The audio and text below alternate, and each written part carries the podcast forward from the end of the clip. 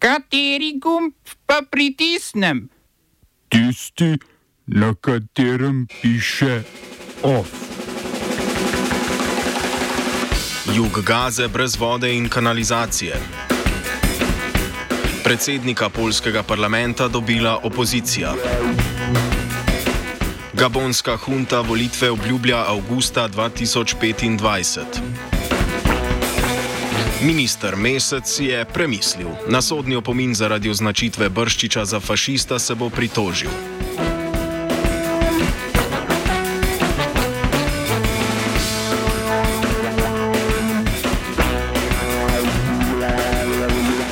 Agencija Združenih narodov za palestinske begunce z današnjim dnem končuje odvažanje odpadkov iz begunskih taborišč na območju Gaze. Z jutrišnjim dnem bo agencija začela ustavljati delovanje 60 vodnjakov na jugu okupiranega območja, poleg tega pa bo ustavila delovanje dveh obratov za razsoljevanje morske vode.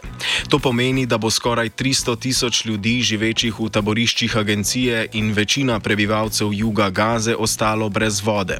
Vse več ljudi je dehidriranih dehidriranih, širijo pa se vodno prenosljive bolezni, saj morajo ljudje piti nepitno vodo.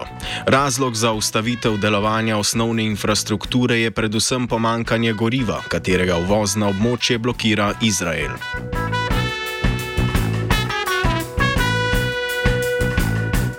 Samo od 5. novembra je po podatkih Združenih narodov z severa Gaze na jug zbežalo okrog 200 tisoč ljudi, kakor jim je ukazala izraelska vojska. Vendar je ta čez noč zbombardirala tudi mesto Khan Yunis, ki leži na jugu območja, pri tem pa ubila prek deset palestincev. V mestu Gaza na severu območja izraelska vojska nadaljuje kopensko operacijo in obstreljevanje bolnišnic.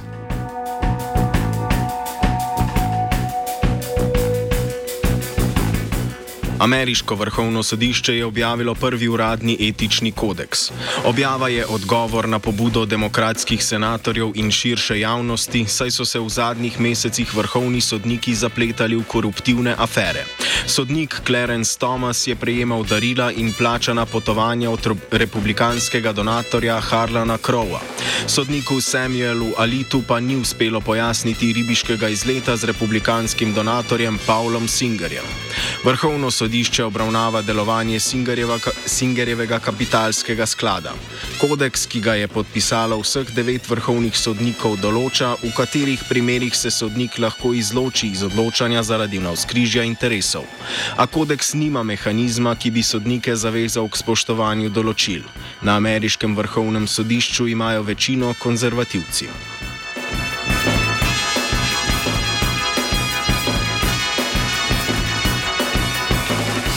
Poljski poslanci so na ustanovni seji novega sklica parlamenta za predsednika parlamenta izglasovali nekdanjega televizijskega voditelja Šimona Holovnijo iz opozicijske tretje poti.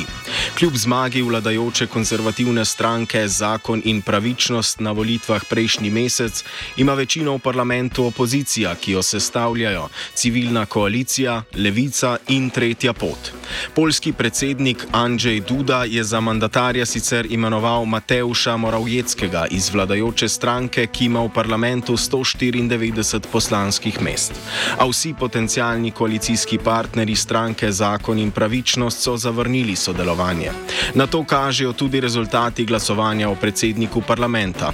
Holovnjevo nasprotnico Eližbito Vitek, ki je članica vladajoče stranke, je podprla le stranka Zakon in pravičnost.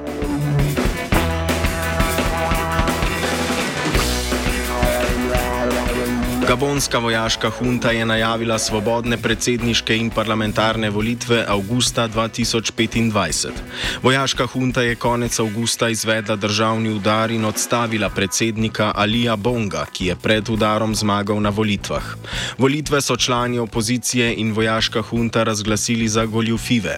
Bongo je državo vodil 14 let, predtem je bil predsednik Gabona njegov oče Omar Bongo.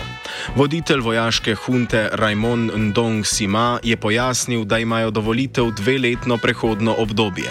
V tem času bodo spisali predlog nove gabonske ustave, referendum o njej pa bo konec leta 2024. Smo se osamosvojili, nismo se pa osvobodili. Naslednji naštetega še 500 projektov. Izpiljene modele, kako so se strani nekdanje LDS rotirali. Ko to dvoje zmešamo v pravilno zmes, dobimo zgodbo o uspehu. Takemu političnemu razvoju se reče udar. Jaz to vem, da je nezakonito, ampak kaj nam pa ostane? Brutalni obračun s politično korupcijo. To je Slovenija, tukaj je naša zemlja, to je Slovenija, Slovenija, Slovenija. Policija predlaga podaljšanje nadzora na mejah s Hrvaško in Mačarsko za dodatnih 20 dni. Predlog na policiji upravičujejo z navajanjem skoraj 300 zavrnitev vstopa v državo državljanom tretjih držav in nekaj več kot 50 zabeleženih kaznjivih dejanj na meji, odkar so nadzor uvedli.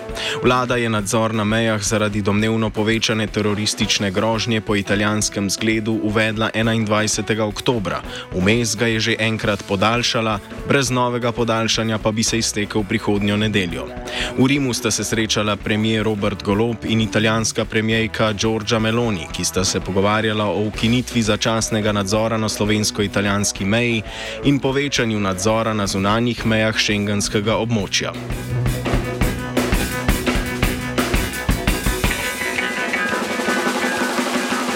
Upravno sodišče je zavrnilo začasno zadržanje imenovanja Senada Jušiča za generalnega direktorja policije. Predlog je vložil nekdani vršilec dožnosti generalnega direktorja policije in neizbrani kandidat Boštjan Lindav.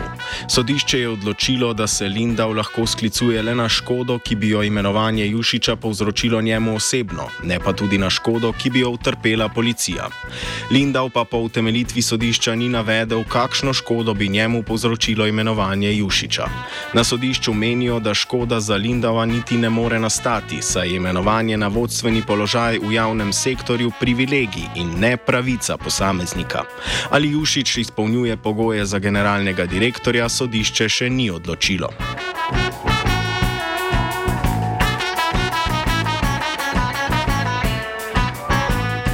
Po sestanku s finančnim ministrom Klemnom Boštjančičem, ki začasno vodi tudi Ministrstvo za javno upravo, je predsednik sindikata državnih organov Frančišek Verk dejal, da jutrišnja stavka zaposlenih na upravnih enotah ne bo plačana, a pri stavki sindikalisti za zdaj ustrajajo. Upravni enoti Ljubljana in Maribor bosta upravljali le najnujnejše postopke.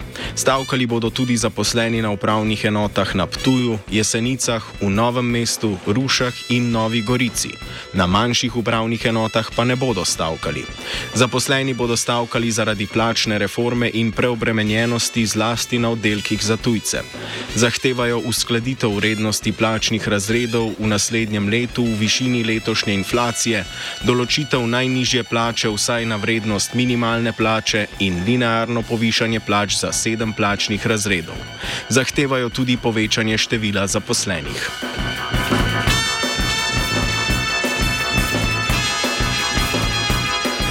Ministr za delo Luka Mesec se bo pritožil na opomin, ki ga je dobil zaradi razžalitve v primeru Brščič. Nekdani predsednik domovinske lige Bernard Brščič je meseca tožil, ker ga je pred petimi leti na seji v parlamentu označil za fašista.